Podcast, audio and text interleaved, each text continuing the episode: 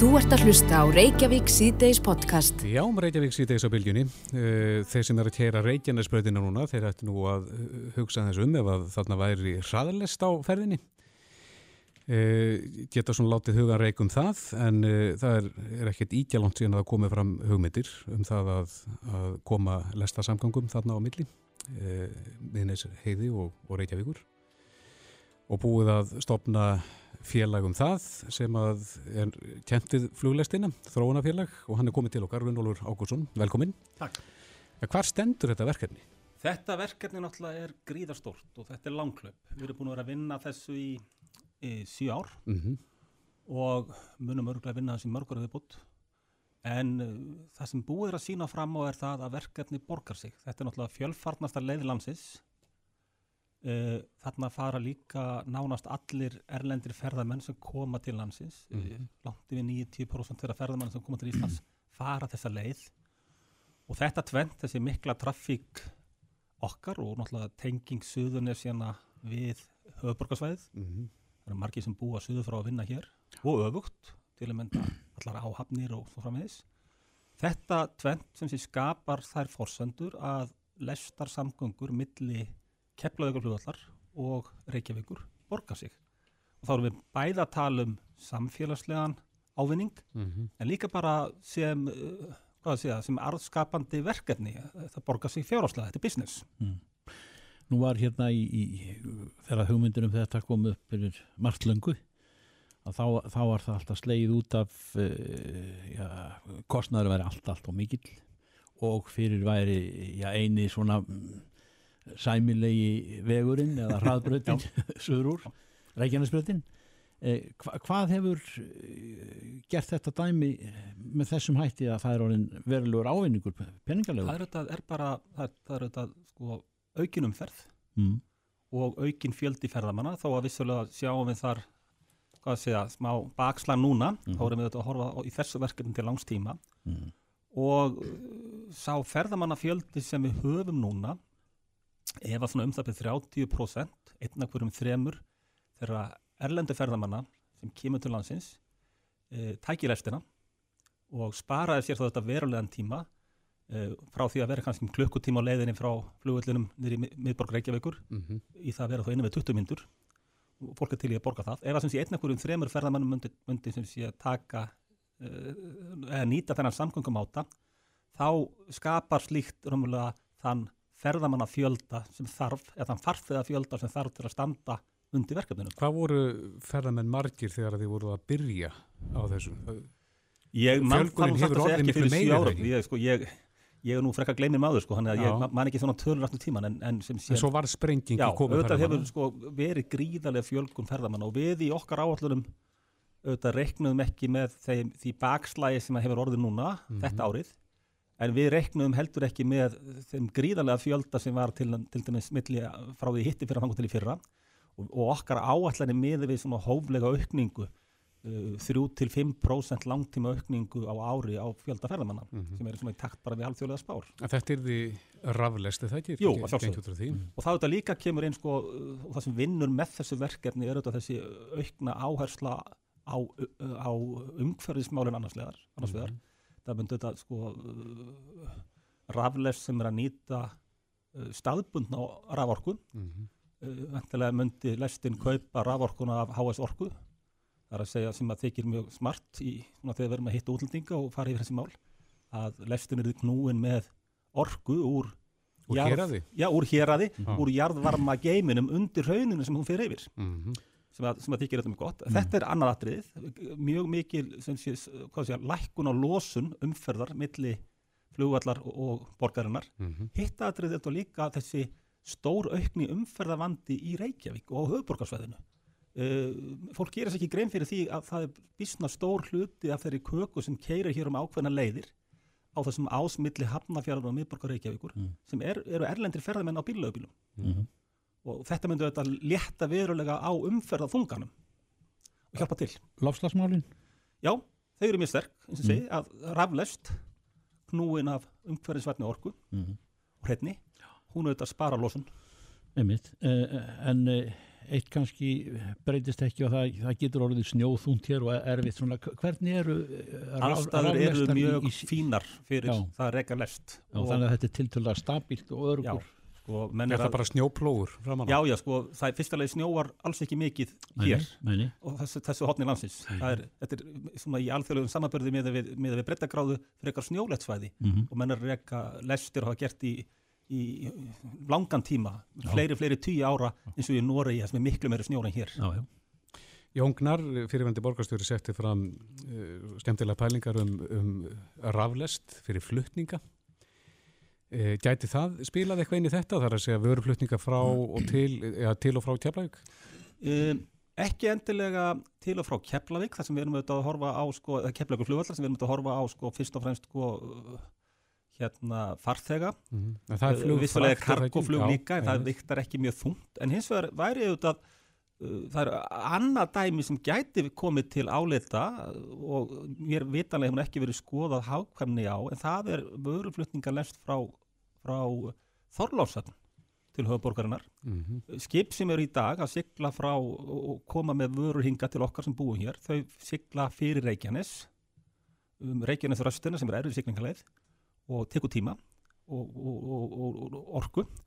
Uh, það væri sem sagt að hugsa sér að, að Þorlásamt kemur sterkar inn sem innflutningshöfn og tengja hana með vöruflutningalest, um alltaf miklu ódyrri kostur en farþíðalest við höfuborgina og það, mér vitanlega hefur sá kostur ekki verið skoðaður en það, það er ekkert gælin hugmynd En Hvað segja plönin? Hvenar er þið byrjað að, að leggja fyrstu teinana? Við erum núna raunverulega búin að ljúka fyrsta áfanga eða fyrsta fasa í þessu verkefni af þremur uh, undirbúningsfasanum. Uh, við erum núna sem sé að vinni því að fá sveitafélögin með okkur í því að fara í næsta fasa sem er raunverulega mat á umhverfis áhrifum Mm og skipulagsmálinn, hvort að þau ganga upp. Búið að merkja land undir þetta? Við erum sem sé og, og leiðaval og annars lísku þar þá að gera samhliða. Mhm. Uh, Þar eru sex sveitafélög að sjö búin að afgreiða samstarfsamning við okkur. Hvað er eftir? Hafnafjörður er eftir og þeir eru með þetta til meðferðar. Og við vonum Er þeir neikvæðir á þetta? eða? Það held ég ekki, þeir bara vilja taka sér tíma og, og stíga léttir jarðar Mm. og þurfa bara að fá þann tíma sem þeir þurfa Já. og að því gefna það ljúkist þá tekum við næstu fasi Mm. sem að tekur þá þrjú ár og er þá hönnun, skipulag og mat og umhverfisáhrifin og svo tekur verkefni sjálft svona fjögur til fimm ár í framkvæmt. Mm -hmm. Raunverulega eitt, eitt svona sem ég glemdi rúum að tala um svona áhrifin af þessu e, þá ekki síst á, á atvinnusvæðið á Suðvesturhóttinu nú er, nú er, hvað, er ekki Reykjanesbær orðin fymta stærsta sveitafélag í landinu það gís þar upp mannfjöldin e, má taka svo til orða en e, þetta gerir þá mönnum kleift að, að búa í Reykjanesbæ og vinna á höfuborgarsvæðinu og, og vísa vessa Við sjáum auðvitað sko uh, bæði áhafnir flugvila til og frá landinu, uh, flugmenn og flugþjónar, flugvirkjar og, og svona sérfræði þjónusta. Það er langt flestir þeirra starfsmanna sem vinna við það að búa höfuborgarsvæðinu og fara og sækja vinnu söðrættir. Það eru líka mjög margir sem búa í Reykjanesbæ, það er húsnæðisverð lægra en hér á höfuborgarsvæðinu og sækja vinnu hingað og þetta verkefni myndi þetta bara því að það, það er í gjör breyting á tengingum þessara tveggja uh, svæða og- sem eru þá eitt. Hver er hraðin á, Ó. á svona lest? Hvað, hvað er maður lengi að það fara? er á milli? lengi vinna Við yrðum frá uh, dyrum flugstöðurinnar niður í Vassmýri, niður á BSI, Mhm. uh, 18 mínútur. Já, hvað þarf mikið hraða í það? Uh, það er sambarileg græja uh, og, eða, eða tól eða lest, ef að kalla þetta, eins og er uh, í, í bæði í Oslo og, og, og Stokkólmi. Mhm. Uh, Hámasræði 250 km og svona meðalhæði svona 180. Bragi, hvernig líst þér á það? Alveg bara. Já, það ekki? Þú, þú byrði keflaði, getur þú hugsað að koma á lest í vinnuna? Já, já, ég myndi gera það alveg. Átjánvindur Já, já, Býr þú svo frá? já. Já. Þannig að ég bara, hérna... Hvað kaupir að miða? Til. Þetta er slegið. Já, hvað kaupir að miða?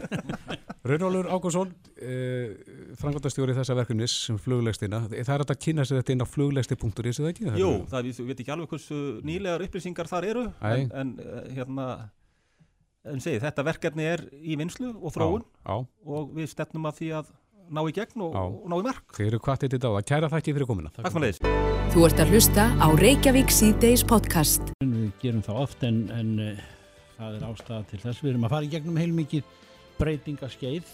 Það eru komnar, komni nýjir orkugjafar og, og, og svo er það blessað samgöngu kerfið okkar sem er undir og við ætlum aðeins að, að fá tvo menn til þess að skiptast á skoðunum um það. Hann er sesturinn hjá okkur, hann Rúnar Rólansson, uh, formaður félag íslenska byrjaði eigenda og, og uh, svona, áður með víkjum að því, Rúnarur, þá, þá segir þú mér að því að, að, að það er sektir sem að erlendir ferðamenn eru rukkaður um að það skýlir sér ekki í, í, í kassan og, og það séu fleiri hundru miljónir sem að, sem að komast hjá því að eða fa fara úr erlendir ferðamenn fara á landur og það kemur ekki krónin Já, það er samkvæmt nýjum gögnum frá hérna, ríkislaugustjóra þá eru um 95% hraðasekta sem eru vegna hraðamyndavela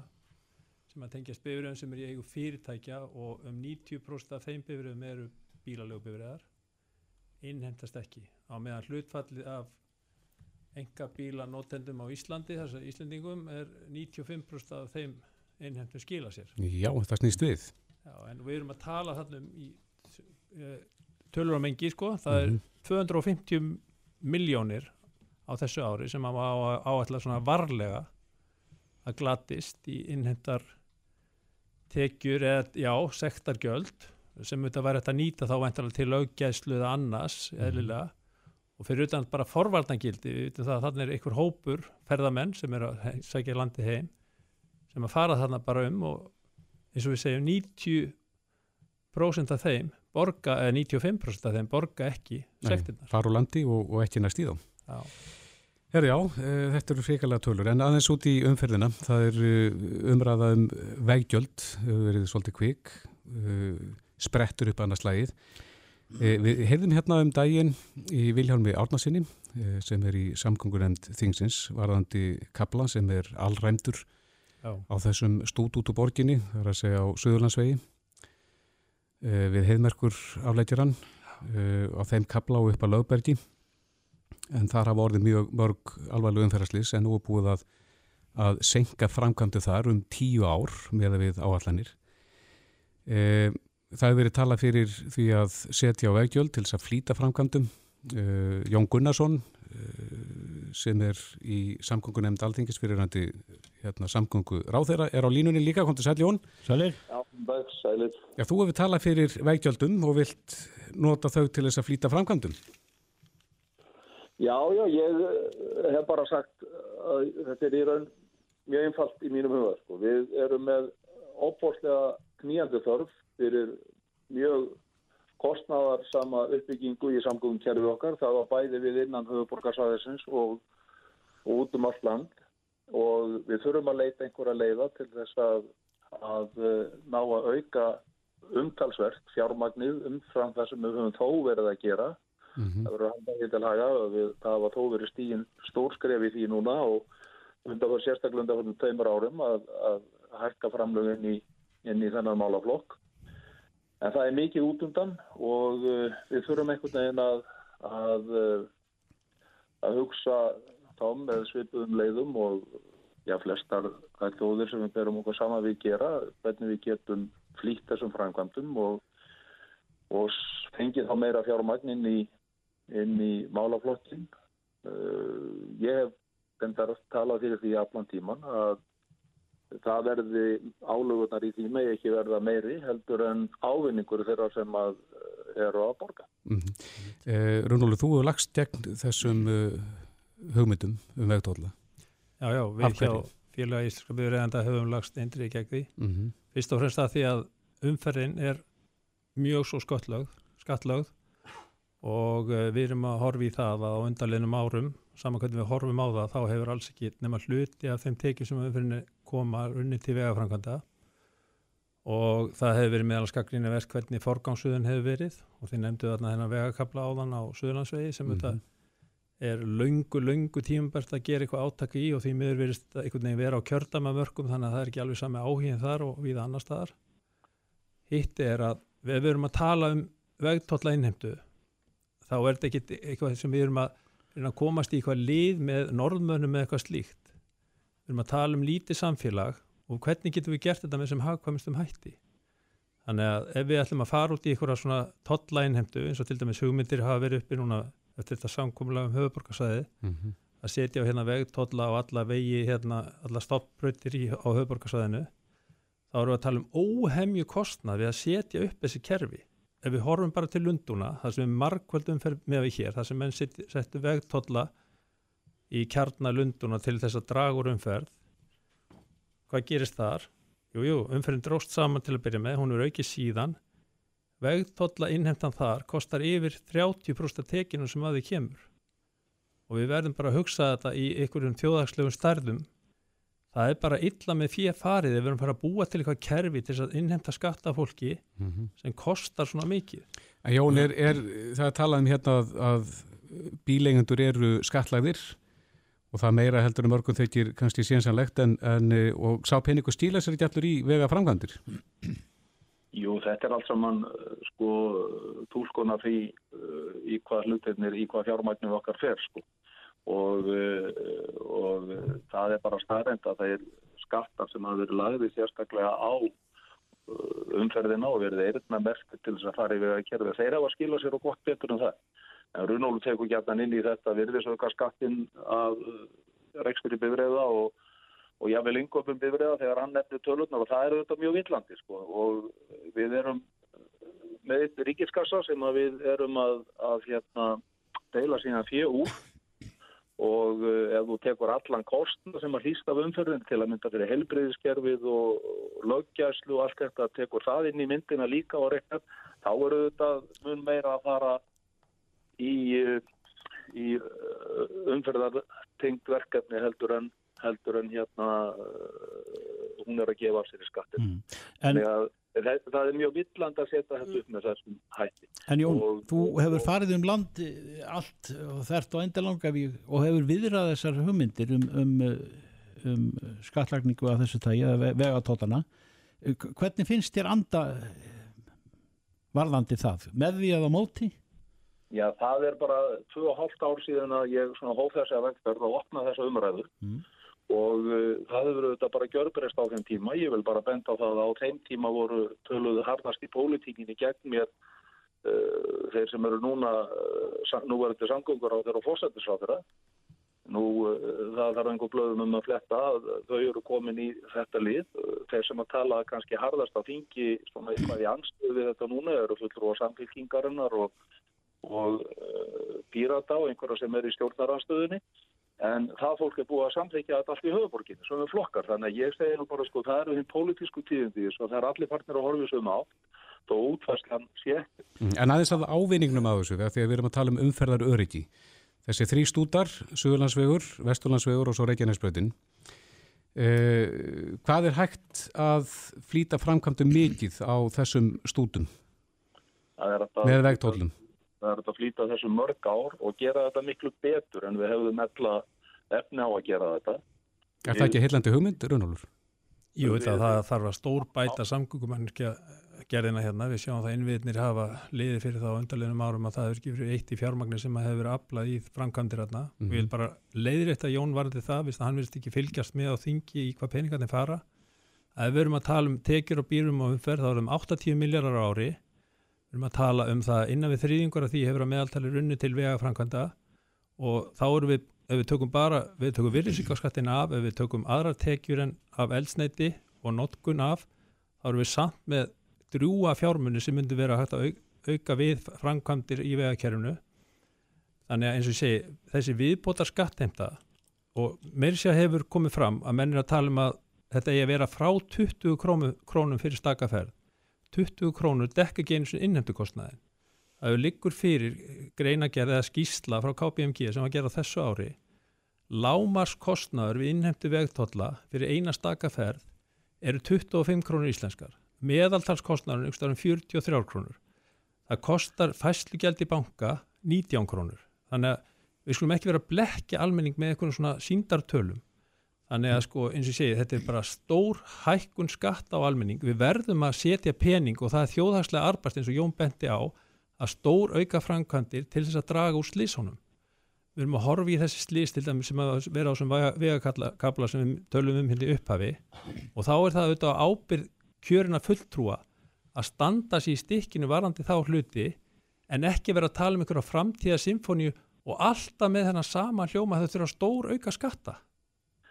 Nei, sko, þetta, uh, það er ágætt að, að Runólfur kom inn á þetta. Það skul ekki, við skulum ekki vera að blekja fólk með einhverjum tölum og slíku. Þetta tóku vantan eftir því á þeir sem voru að hlusta að hann nefndi það að við tækjum og virðursauka skattin af og svona þetta sem að við almennt erum ekki eirnamerki til sérstakra útgjalda í samfélaginu að þá er þetta samt stórar uppæður, það nefndi ekki uppæðina. Það er nefnilega þannig og það er bara útreiknað að þeir skattar sem hafa verið lagður á umferðina að það fari meira heldur en þeir til vegafrænganda, til samgöngumála. þá er það að tala um eirnamerta skatta Þessar tölur eru bara til og það eru til aftur í tíman og við höfum stór aukið framlög úr ríkisjóði til, eh, til hérna eh, samgöngumála á undanförnum árum. það er ekki rétt.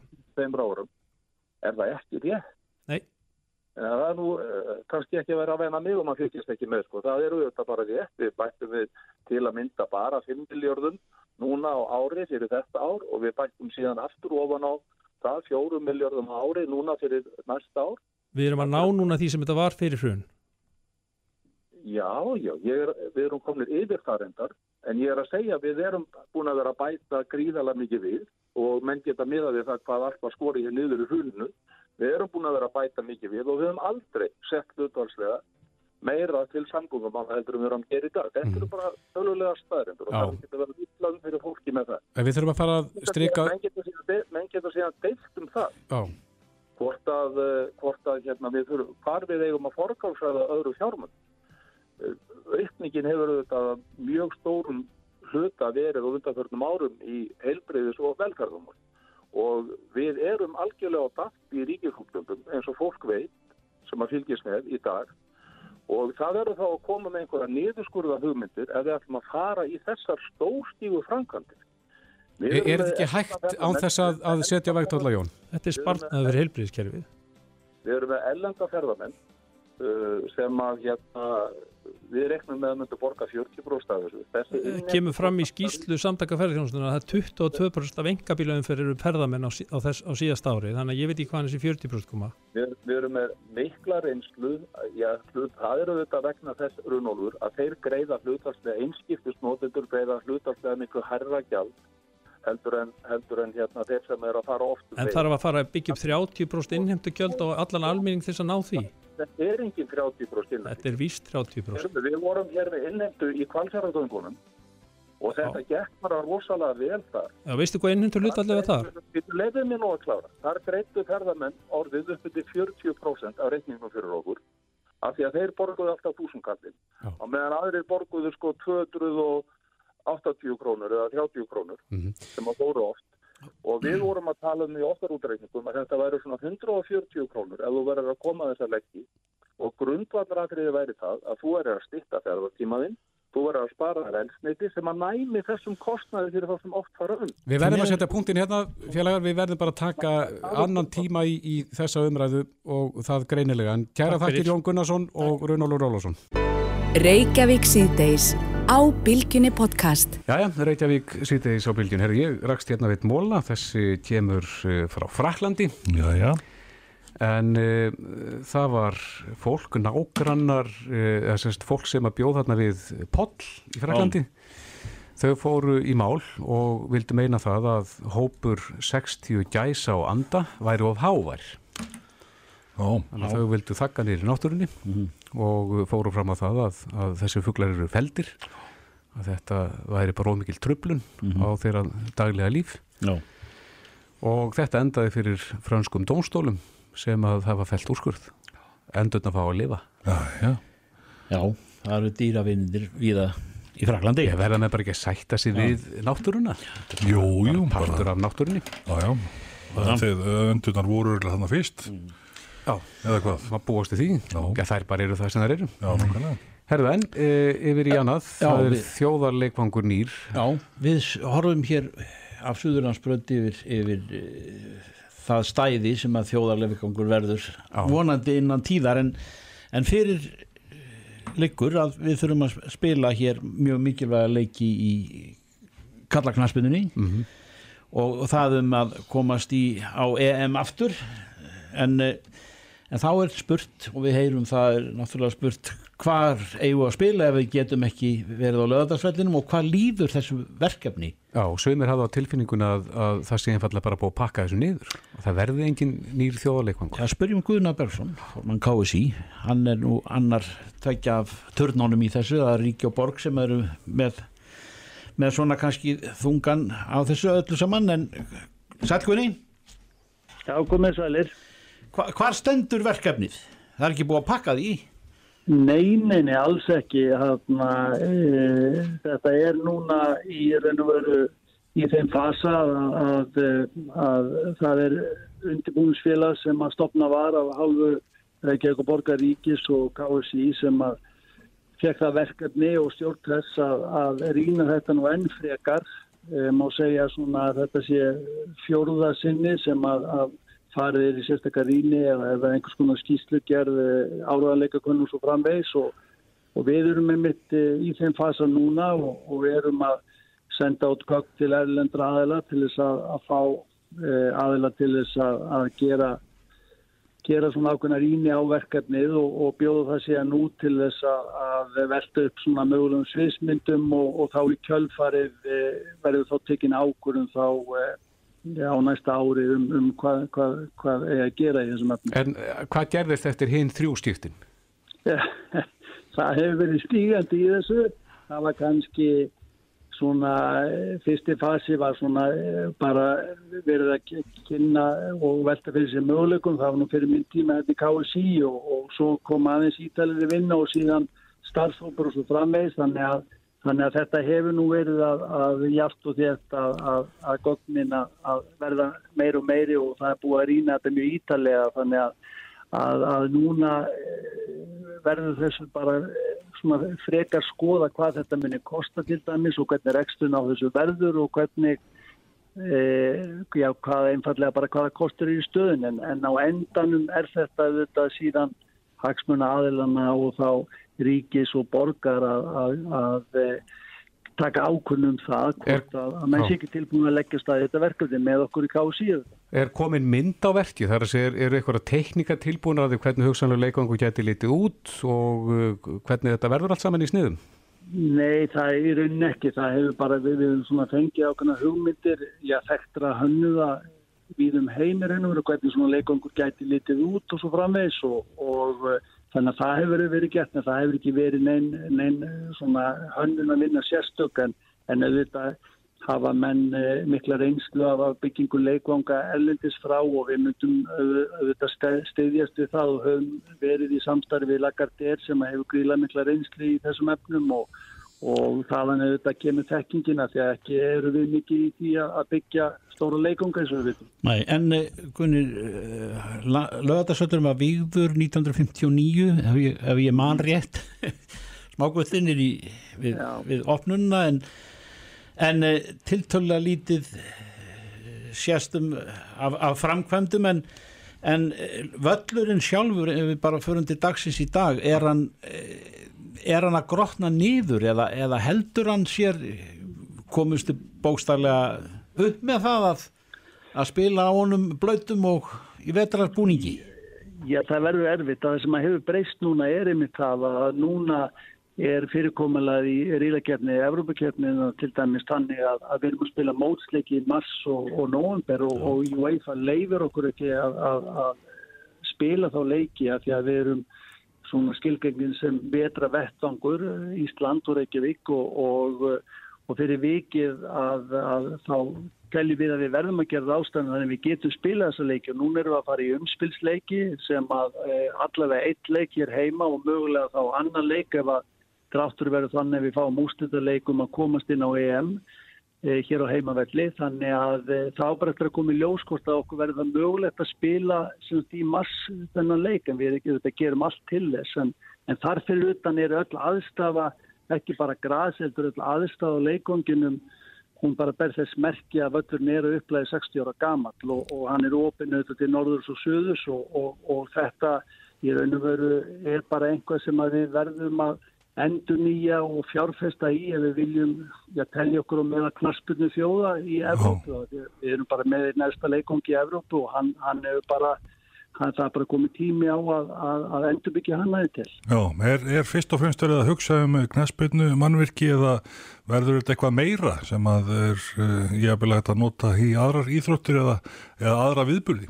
Eh, já, frekar aðra, aðra viðburði eins og við sjáum þetta. Að leikongurinn þá beigður sérstaklega með, með tillit til þess að, að vera þetta með knæspilnu leiki en hann verður þá fjölnóta þannig og með færilugur taki þannig að hér verður þá hægt að halda stórtónleika og stærri síningar og fundi og svo framveg sem að myndi þá þetta nýta samfélagin í heilsinni þannig að, þannig að með þeim hætti þá getur við bæðið þetta verið að þjóna samfélaginu í stóru samminginu og líka bara fókbóltanum ekki bara með landslegin, þetta líka félagslegin með, með til dæmis byggarúsleiki, lókmóts og Evrópuleiki félagslið og svo framvegis að verður til. Já, við getum mögulega Já, við getum mögulega haldið í Eurovision hérna ef við vildum skilta mengt til að vinna í því það, það kemur að því að við vinnum Eurovision og þá verður við að halda þetta með, með, með sænt og sóma og Ná. þá verður við að gera það lögðsvöldi. En, en svona í sem loka fullering, það kemur sem sagt senn að því og mjög bráðlega að við, við, við okkur verður ekki heimilt að, að leika í stórmátum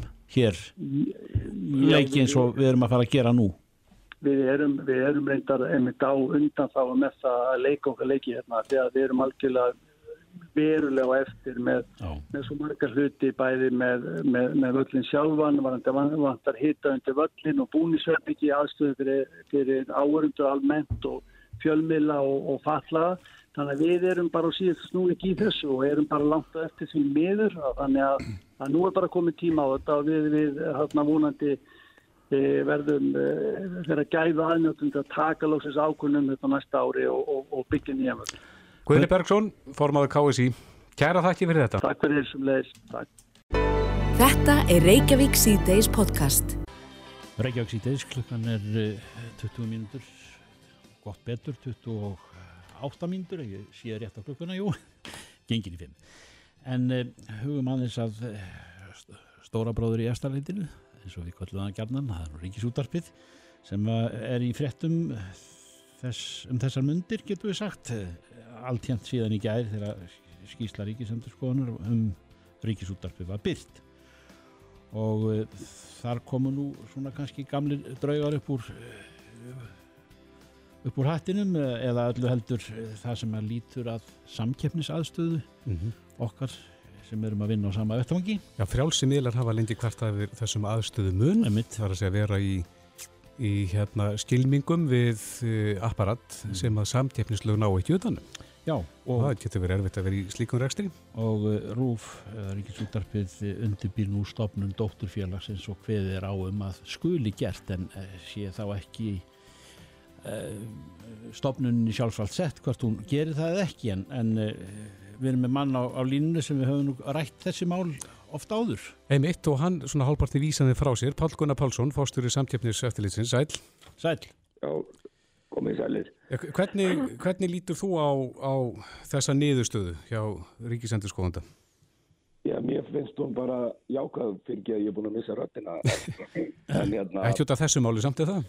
Nei, nei, það er nú bara hausti sko. Ah, en sko, það, það sem auðvitað kemur þarna fram er er það að sem hefur nú kannski blasað svolítið við að, að, að, að það verður ekki verið farið í að stopna til dótturfélaga mm -hmm. er áam í lögunum um ríkisúttorfi og það er kannski rétt að undirstryka það að hérna, þau ákvæði eiga rætur að rekja til ábendinga og aðtóðsenda eftirlýstofnuna eftir og kannski mikilvægt að gera sér grein fyrir því sko að að, að, að málefni ríkis útvarpa í Evrópu það hérna, tengjast ríkistyrkjareglum mm -hmm. og það, það er bæði sett, til sérstakar reglur um almanna þjónustu útvarp uh, eða fjölmila í, í, á erafska efnaðsvæðinu og síðan hefur það eftirlistofnun eftir sem hefur eftirlit og valdheimildir hér á landi hvað var það ríkistyrki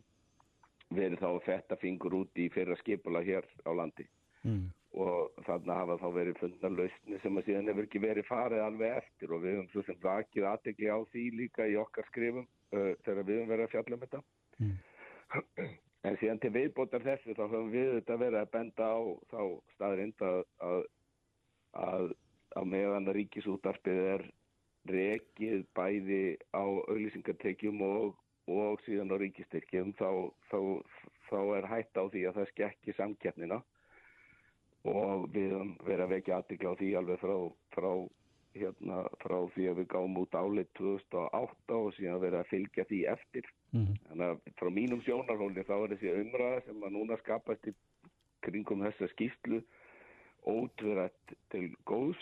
Það er þetta mikilvægt að, að hérna, það verði þá farið yfir hana. Og maður hefur svona kannski ákveðna trú á því núna að, að, að því að mentamálar á þeirra hefur talað með þeim hætti að núna sé verið að skoða þetta af mikill alvöru. Mm, Er ykkur munur á því sem að já, áður voru tilmæli og nú er eh, stofnunni gert að, að eh, eins og stendur í eh, sagtir í fréttum dagsins að, að undirbúa dóttur, stofnun dótturfélaga? Var það aldrei inn í tekningunni inn, inn í myndinni þegar, hér já, fyrir nokkrum árum þegar að þið voruð að árétta ykkar tilugur og tilmæli. Já, sko, það er þetta sem ég var að nefna áðan, sko, að, að, að þessa skildur þær koma inn í lög uh, fyrir nokkrum áru síðan, fyrir 2013 og þær, þær í raun og veru eiga rættar að reykja til eftirlistofnar eftir og ekki í sanginsettilis að fylgja þeim persi eftir. Mæli. og það verið sjálfsög ekki breyst uh, ríkisendur er einfallega ekki aðtekla á því að það hefur ekki verið farin þessi leið sem að lögin og lögjafin ákvað. Það er eins og rýmislegt annað kannski sem hefur verið gert bæði út af uh, ábendingum og aðtóðsendum eftirstofnum eftir og svo líka okkar varðandi svona hátt sem er rúfa auðlýsingamarkað og svo framvegis en, en eftir stendur samt að, að, að vandamáli hefur ekki verið lagað og vonandi, vonandi er þetta skrefi þá átt. En hefur ríkisútvarpið ekki þá, eða hefur engin eftirliðstofnum hér geta þá uh, haft neitt að segja með uh, ríkisútvarpið á samkeppnismarkaði? Jú, ég... Af hverju ná ekki samkeppnislaugin yfir uh, ríkisútvarpið? Jú, samkeppnislaugin sjálfur sér ná yfir ríkisútvarpið þar sem uh, samkeppnislaugin gilda um starfsemi ríkisútvarpins og í ákveðnum tilvíkum þá getur til dæmis ríkisútarpi verið talið vera markasráðandi á einhverju markaði og þannig verið að misnóta þá markasráðandi stöðu sína. En hins vegar er það þannig að, að lögjafinn ásóldi síðasta orðið og samkynnslögin eru hérna, sem kallað er almenn lög, akkvært þá sérreglum sem að lögjafinn setur og þegar lögjafinn hefur ákveðið að, að hérna, hafa til dæmis um, skipalega með þeim hætti að ríkisútarpiðin sé heimilt að starfa á auðlýsingamarkaði en líka hafa tekjur á ríkinu þá var óskup lítið sem sanginsettildi getur gert í því per se annað heldur en að benda á samkynningshindarinni sem að þessu hljótast og það höfum við verið að gera. Þannig að það er ekki þannig að, að samkynningslegin gildi ekki um ríkisútarpið en, en, en, en það er svona ákveðin fyrirmæli sem löggefin hefur mælt fyrir um sem að kannski takmarka svolítið gildisviði. En nú hefur þeim verið eh, gert stilt að, að stopna dóttufélag um þennan rekstur sem að fellu fyrir utan e, útarpi í almanaþáum eða fjölmiðlunni í almanaþáu. Hvað, e, undir hvað kemur slíkt dóttufélag til með að heyra? Undir ykkur þá eða? Nei, nei, nei. Það, það er þá þetta, undir bara ríkis útarpi per se en svo gilda þetta lögareglur landinu um þá starfsemi þar á meðal sangjumslaug og það verður að bara koma í ljós hvað svo útfæsla kemur til með að laga mikið sko. Það er að segja stopnum dótturfélags og það, það er þetta bara eitthvað sem að veldur á útfæslunni og, og veldur á annari stefnumótun mentamálar að þeirra mm. og maður bara vonast til þess að það eigi sér stað núna góð umræðum þetta og við erum tilbúin að taka þátt í henni og vonandi, hérna, vonandi fleiri. Sko. Já, gott og vel. Pál Gunnar Pálsson, fórstjóri samkjæmnis eftir litsins. Kærar þakkir fyrir þetta en uh, mér segir nú svo hugur að við hefum eftir að ræða þetta aftur síðar. Já, eflaust. Já, takk fyrir. Takk fyrir, bless.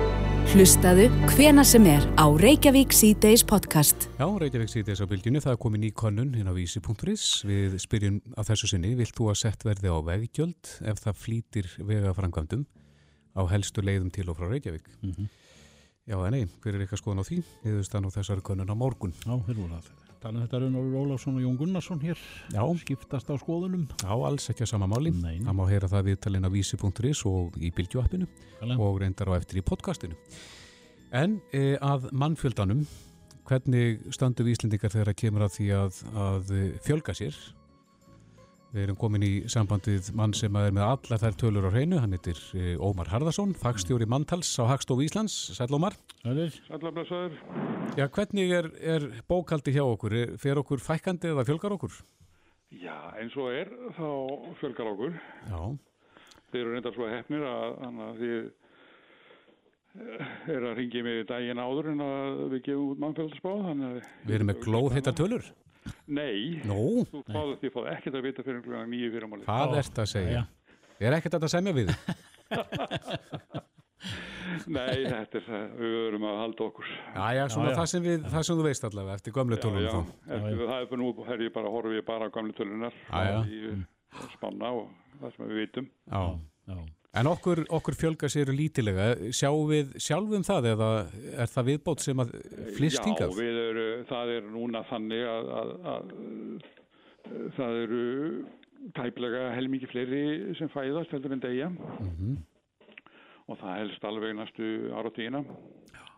Það verður ekki fyrir svona 2040-60 sem, að- sem að þetta fyrir að snúast við. Já, hvað gerist þá? Af hverju ertu svona viss?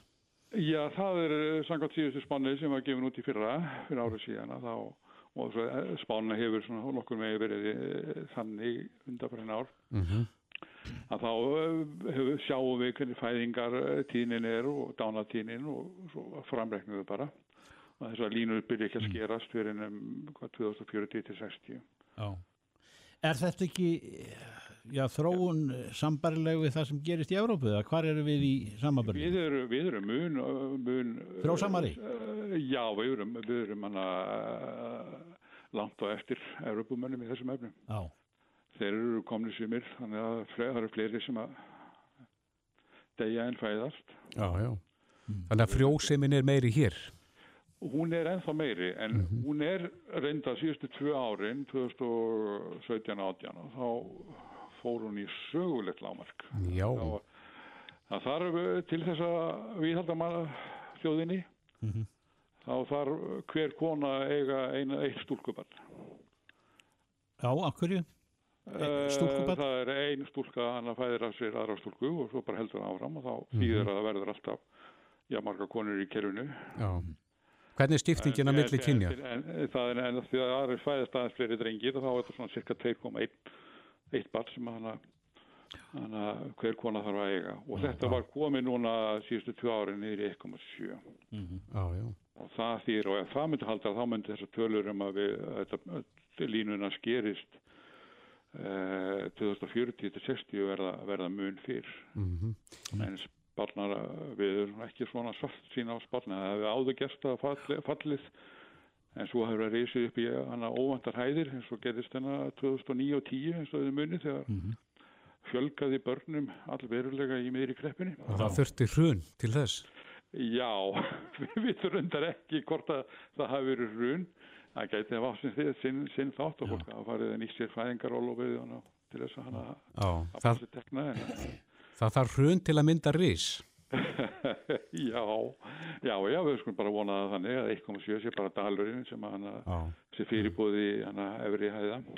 Er þetta svona, maður oft heyrt í, í þegar að verða stríð, staðbundi stríð á jarðakringlunni eftir þau að þá, þá verður gríðarleg fjölgun fæðinga.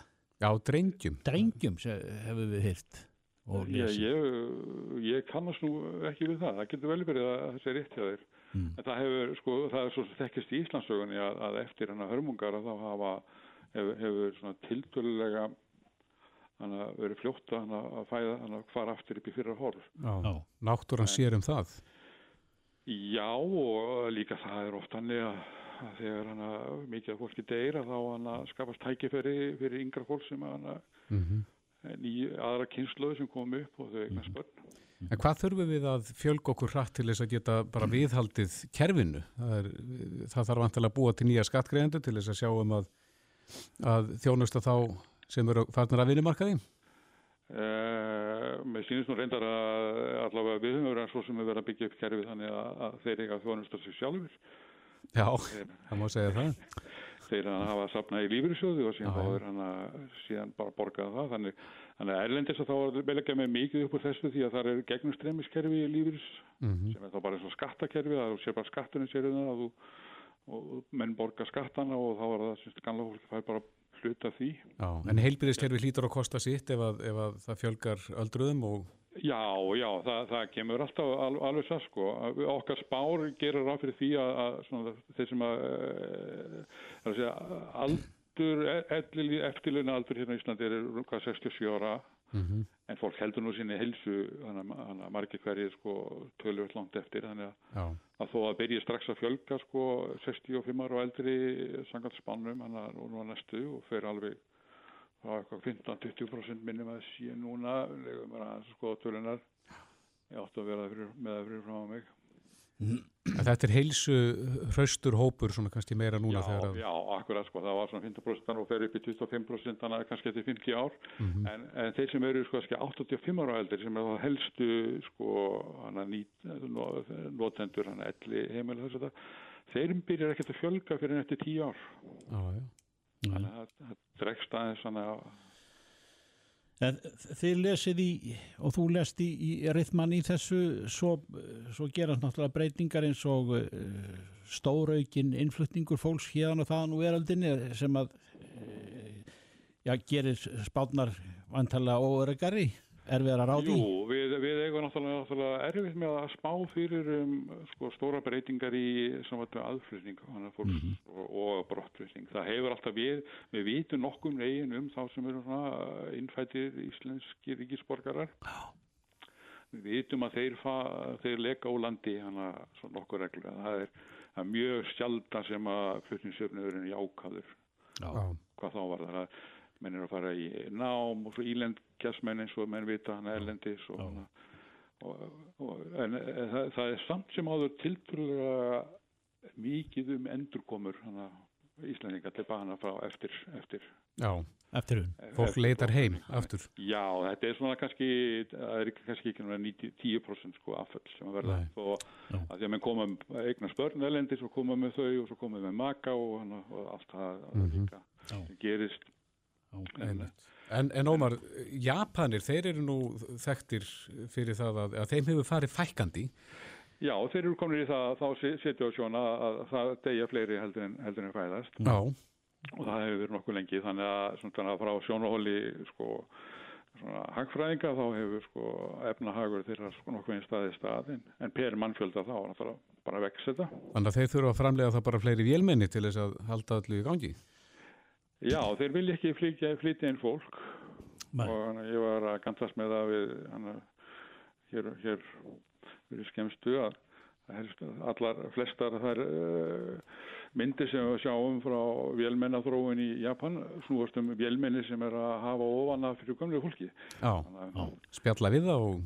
Ég spjalla við það og, hana, og vera, vera svona hugulega og hana, þeim til aðstöður í einsemdini en þeir vilja frekar vélmenni heldur en útlendinga. Já Já, það er starrend en, en þeir, þeir hvetja, hvetja þeir ekki til balningna eða gera það fjárhagslega mjög hagkvæmt? það, það er ég, ég bara þekki ekki nei, kerfið í Japan þannig ég get ekki fullist en það er nú talið að, að eitthvað mesta bölfun hérna jarðarinn að sé einmitt mannfjöldin og okkur hafi fjölgat til mun en er, er mannkinnið í heilsinni er, er, er Já, eru það tölur að fara niður á við? Já, það, nei, það eru ekki að fara niður á við sko. það eru tæmlega 8 miljardar sem búa á jörðinni. Já.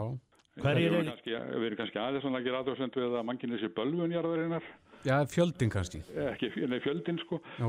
því að það er kannski frekar að hegðun okkar sé hana, hana ekki því fyrirmyndra Nei, við þurfum að koma okkur eitthvað stað fyrir. Já, það er, það er núna já, eitthvað tæmlega 8 miljardar sem að búa á jörðinni og, en allar spár gera ráð fyrir því að, að við náum hámarki um næstu aldamót Já. og þá verður það ekki meira heldur en sko rétt hæflega 11 mm. miljardar. Hver, hverjir fjölga sér eh, mest eh, Það eru fyrst og fremst Afrikubúar. Það eru- Afríku? Já, það er gert ráð fyrir því að, að Afriku búa verði svona um margir eins og Asíu búa í dag. Já, Eða semst Asíu búa þá. En það sem gerist í öðrum heimslundum er það að, að, að byrjar að draga úr fjölgun Já. og fæk, byrjar að fækka sko upp úr hana sko miðuröldinni. já, allir jöfni það verða hana bæði í Európu, Asíu og í hana og í Ameríku já, já. og í Suður Ameríku til dæmis þá er gert ráð fyrir því að verði að það muni sko verði, verði töluverð sko öldrunar þessi fjölgi, eldra fólki verði fjölgi þar mest öllum. já, já. Kínverjar hafa haldið eh, svona, eh, verið með heimilin á, á þessu, minn skosti á ytraborði e, Já, já. og þeir halda því áfram. Já, þeir halda því áfram, það, er, það er spáð fækkun, það er Já. meira sér gert ráð fyrir því að indverjar verði eh, bara fljótlega fleiri heldur en kýmur eða ekki því að orðu það. Ég hef ekki alveg séð síðust tölur. Nei. Æ, akkurat. Þetta er skemmtileg landafræði og, og, og hérna snertir snertir gangmála í Já, það í gerir það. jarðarhringnum. En það er eins og með spár eins og annað, það, það, þeir eru fyrst og reynst til þess að við áttum okkur á því hvað við erum að gera í dag. Já, Við helsta skemmtun mannfjöldafræðinga er að skoða gamla spár því að þeir eru yfir það vitlisur. já, akkurat. En það er von á nýri, nýjum tölum hjá þér klúan nýjum fyrramálið. Klukka nýju fyrir málið þá kemur ný mannfjöldarspán hagstofanar. Já. Ertu ekki búin að kæfta þér í þessu viðtali? Nei, Nei, það er ekki, er þá býðum við spenntir. Uppl- Engin uppljóstur í hér nei, Akkurat. að þú ert orðið heldur maður, það er gott. Ómar Harðarsson, fagstjóri Mantals á Hagstofu Íslands. Kæra þakki fyrir þetta. Hlustaðu hvena sem er á Reykjavík C-Days podcast. Reykjavík sýtiðis klukkuna vantar eh, 15 mínútur í 6 og það sé á setnildan hjá okkur en, en uh, þau mál sem að kannski eru dagleg hjá okkur í einni eða annari mynd og það er, hefur svo verið í dag það eru lofslagsmálin og uh, þau svona eru með vaksandi þunga setja margsitt á, á þjóðfélagsumræðina uh, við nefnum hér til sögunar uh, umtalaðan borgarafund Ríkisútafsins um, um með mitt lofslagsmál og uh, núni fyrrakvöld og eða er það ekki eða fyrir tveimur sólaringum ekki alveg með það á reynu en, en hann er í umræðunni þessi fundur og það vegna þeirra sem tóku þar þátt og, og hver málflutningunum var. Sker sér uh, svo litið úr þegar kemur að um, Ernu Ír Öldudóttur sem er á línunni, sæl. Sæl. afstafa þín eh, til lofslagsmála hafa nú verið um hana rætta því að þú ert já, þú ert ferða móti strömmnum um margt í þessari umræðu. Eh, þú ert eh, þeirra skoðunar að hamfara hlínun og, og, og, og lofslagsváin sé stórlega íkt Já, ég, mér langar til þess að ganga svo langt að segja að þetta sé bara ósatt. já.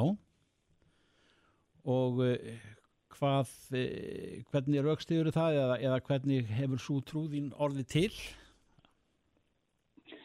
Ég er bara búin að skoða og lesa mikið af eh, vísindagreinum og greinum eftir vista vísindamenn og ég er líka búin að skoða og það er það sem að skipta mjög miklu máli og er aldrei rætt um. Það er alla hagsmennina sem eru á bakvið þetta og hvert peningarnir eru að fara. Hvað er verið að gera með alla þessa peningar sem verið er að taka fólki og fyrirtækjum? Og ef maður skoða það, að þá fara þeir í að kaupa kólefniskvóta og kólefniskvótin, það er, hérna, er flokkaður sem hrávara sem að gengur kaupum og sölum á fjármálamörkuðum út í heimi mm. og síðan fara þessi peningar sem sagt eins og framlag Íslands í, í hérna Green Climate Fund hjá eh, hjá saminuðu þjóðunum, hjá lofslagsnum saminuðu þjóðunum, hjá saminuðu þjóðunum. Þannig að þú veist, í fyrsta lagi er þetta ekki rétt og í öðru lagi að þá er verið að flytja gríðalegt magna peningum frá almenningi og fyrirtækjum yfir til alþjóðlegar elitu á fjármálamörkum og, og í alþjóðapolítikinni.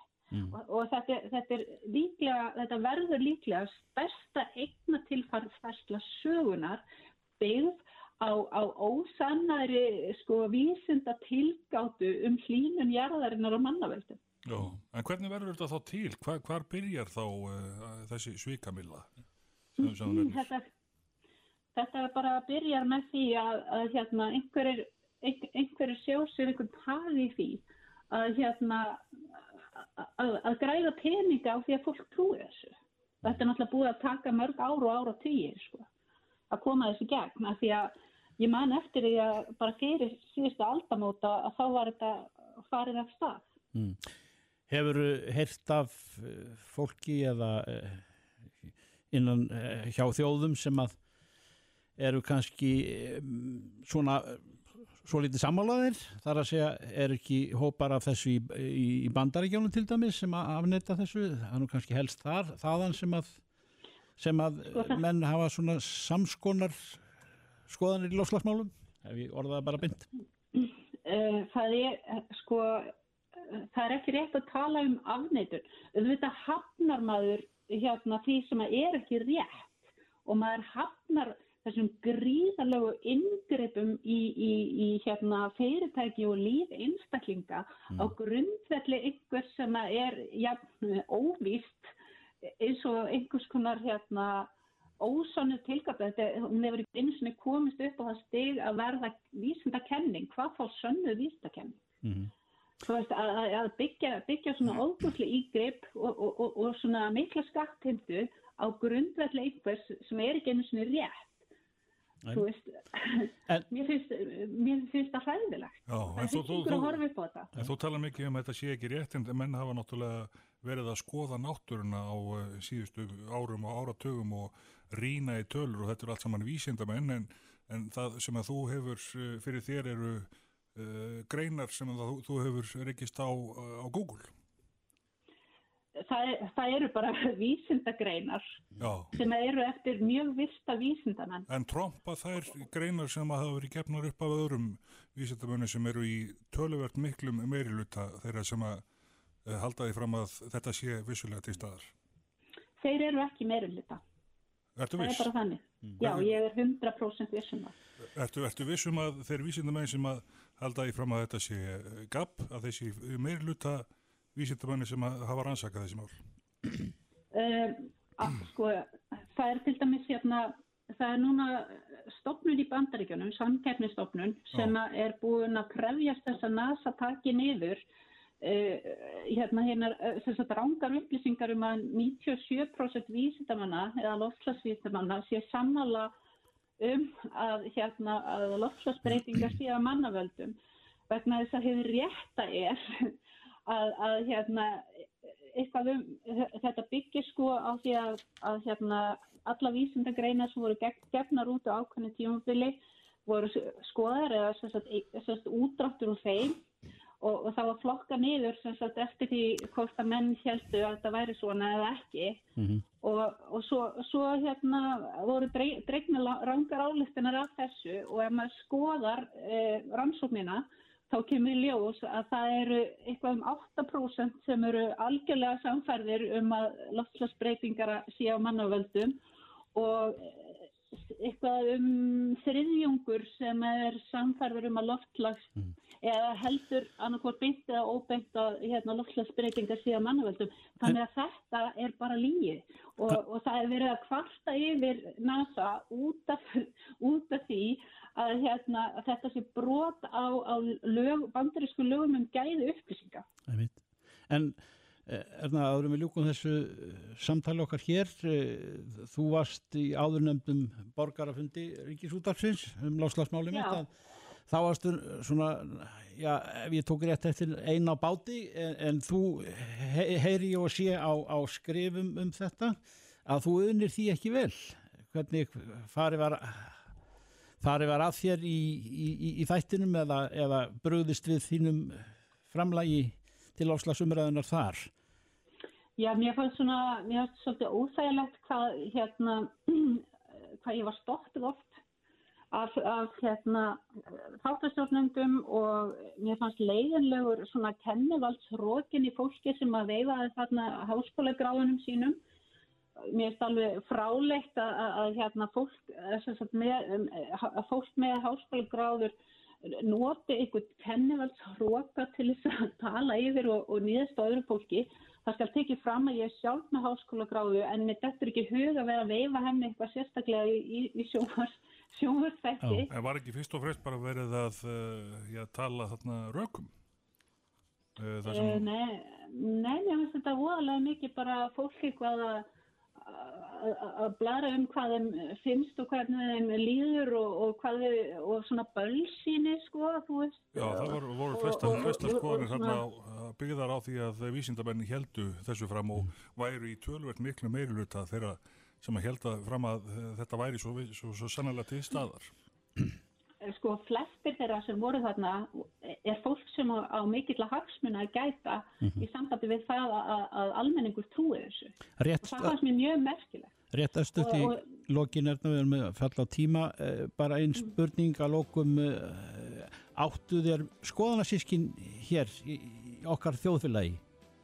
Sko, ég er búin að fá tíu af símtölum og ég er búin að fá hundruð ef ekki þúsund sko skilabóð frá fólki sem að segist vera að sammála mér og ég er bara valla gert veitt annað alveg síðan fakturinn var heldur en að tala við þetta fólk. Og mér finnst það er eitt sem ég vil að verða tekið fyrir sem var í þættinum. Af hverju er erlendur stjórnmálamadur sem fær að krefjast þessi beitni útsendingu í ríkisjónvarpinu að hérna loftslagsmál verði að kostningamál á Íslandi. Ég menna hvað á þetta þýða svona erlend afskipti af innarrikismálum í gegnum sjónvarstátt og rúf? Erna Ír Öldudóttir, kærar þakki fyrir spjallið.